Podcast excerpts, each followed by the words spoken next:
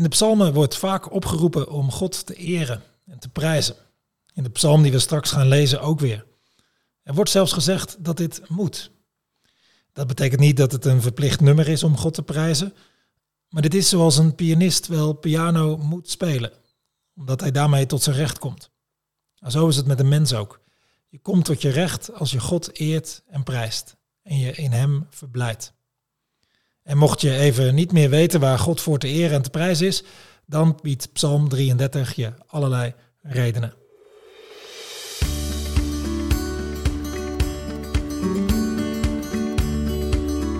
Welkom bij de Noorderlicht Rotterdam podcast. Een serie gesprekken en psalmverdiepingen over geloof en wat het in je dagelijks leven kan betekenen. We lezen een aantal versen uit deze psalm. Juich, rechtvaardigen, voor de Heer. De oprechten moeten hem loven. Huldig de Heer bij de klank van de lier. Speel voor hem op de tiensnarige harp. Zing voor hem een nieuw lied. Speel en zing met overgave. Door het woord van de Heer is de hemel gemaakt. Door de adem van zijn mond het leger der sterren. Hij verzamelt het zeewater en sluit het in. Hij bergt de oceanen in schatkamers weg. De Heer doet de plannen van volken teniet. Hij verijdelt wat naties beramen. Maar het plan van de Heer houdt eeuwig stand. Wat hij beraamt, blijft van geslacht tot geslacht. Koningen winnen niet door een machtig leger. Brute kracht redt krijgsheren niet. Van geen nut zijn paarden voor de overwinning. Hoe sterk ook, ze bieden geen uitkomst. Schenk ons uw trouw, Heer. Op u is al onze hoop gevestigd.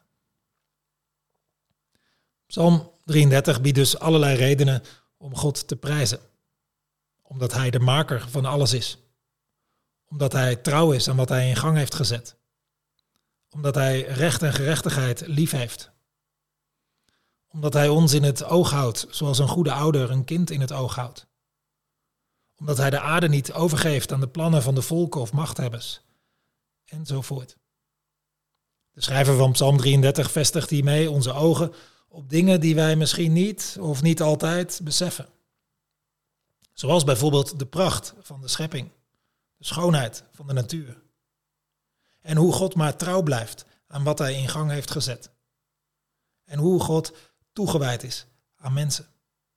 En dus het ook niet uit de hand laat lopen, maar in zijn hand houdt. Dit te geloven ja, dat is ook niet vanzelfsprekend. Dat is het ook nooit geweest. In de tijd van deze psalm en ook daarvoor en daarna waren de volken, krachten en machten waar Israël niet tegen bestand leek. De volken, ja, dat waren ook supermachten als Assyrië, Babylonië of Perzië. En de politiek van die grootmachten leek beslissend. En ook in onze tijd kan het zomaar lijken dat het lot van de wereld in handen is van grootmachten als de Verenigde Staten China of Rusland. Of we kunnen zomaar denken dat de toekomst in handen ligt van techreuzen, multinationals of een handjevol superrijken. En we kunnen zomaar denken dat die machten van nu ons in een onafwendbare klimaatramp storten. Of in een onvermijdelijke nucleaire oorlog. Het is dus niet zo vanzelfsprekend om te geloven in een God bij wie het niet uit de hand loopt. Psalm 33 weerspreekt. En dat hebben we nodig. Die al te logische gedachte om de werkelijke en uiteindelijke macht toe te schrijven aan welke volken, machten of ontwikkelingen ook. Want politieke of militaire macht zijn niet de doorslaggevende factoren in de geschiedenis. En Psalm 33 heeft gelijk ook natuurlijk. De geschiedenis door hebben de grootste militaire legers of de sterkste economische machten het lang niet altijd gewonnen. Ja, soms voor een bepaalde periode. Maar ze waren vaak nog sneller van het wereldtoneel verdwenen dan ze gekomen waren. En daarom moeten wij ook maar niet al te zeer onder de indruk zijn van grootmachten. Of ze nu de macht van het getal hebben, of de macht van het geld denken te hebben, of de macht van het gelijk, of de macht van militaire wapens. Ze zijn ondergeschikt aan God. Die ofwel hun plannen op niets laat uitlopen, ofwel hun acties inpast in zijn grotere plan.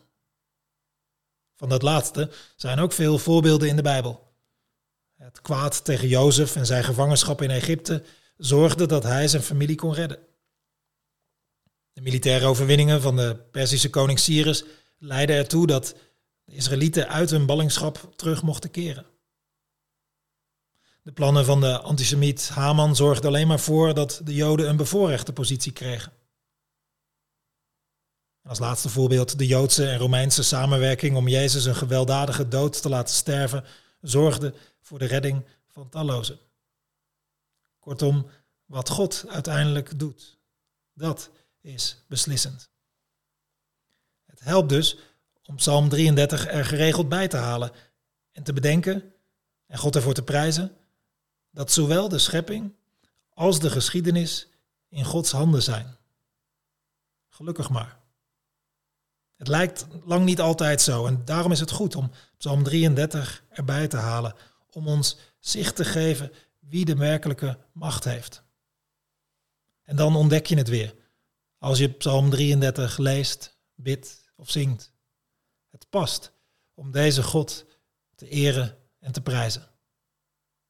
En dat geeft je ook weer hoop en vertrouwen. Dat gebeurt in deze psalm ook. Want de lof van deze psalm loopt uit op een oproep om deze God te vertrouwen en de hoop op deze God te vestigen. Want het loopt deze God niet uit de hand. En om die hoop te hebben en te houden, daarbij helpt het om Psalm 33 te lezen, te bidden. En God maar gewoon te prijzen om wie hij is en wat hij doet. Misschien ook als je het niet helemaal voelt, merkt, ziet. Maar dan toch voed je je ook weer je hoop en je vertrouwen. En als je zo werkelijk je vertrouwen in God stelt, dan sluit je natuurlijk ook met de daad bij God aan. Dan ga je al in tegen de zogenaamd grote krachten van deze wereld. Dan leg je je niet neer bij wat onvermijdelijk of onafwendbaar lijkt. Je zet je in voor verandering ten goede, voor recht, voor trouw, voor zorg aan wat God gemaakt heeft, zijn schepping en zijn schepselen. Omdat je weet dat die dingen de werkelijke toekomst hebben. Dankzij God. Want Hij is trouw en Hij laat niet los wat Hij ooit begon.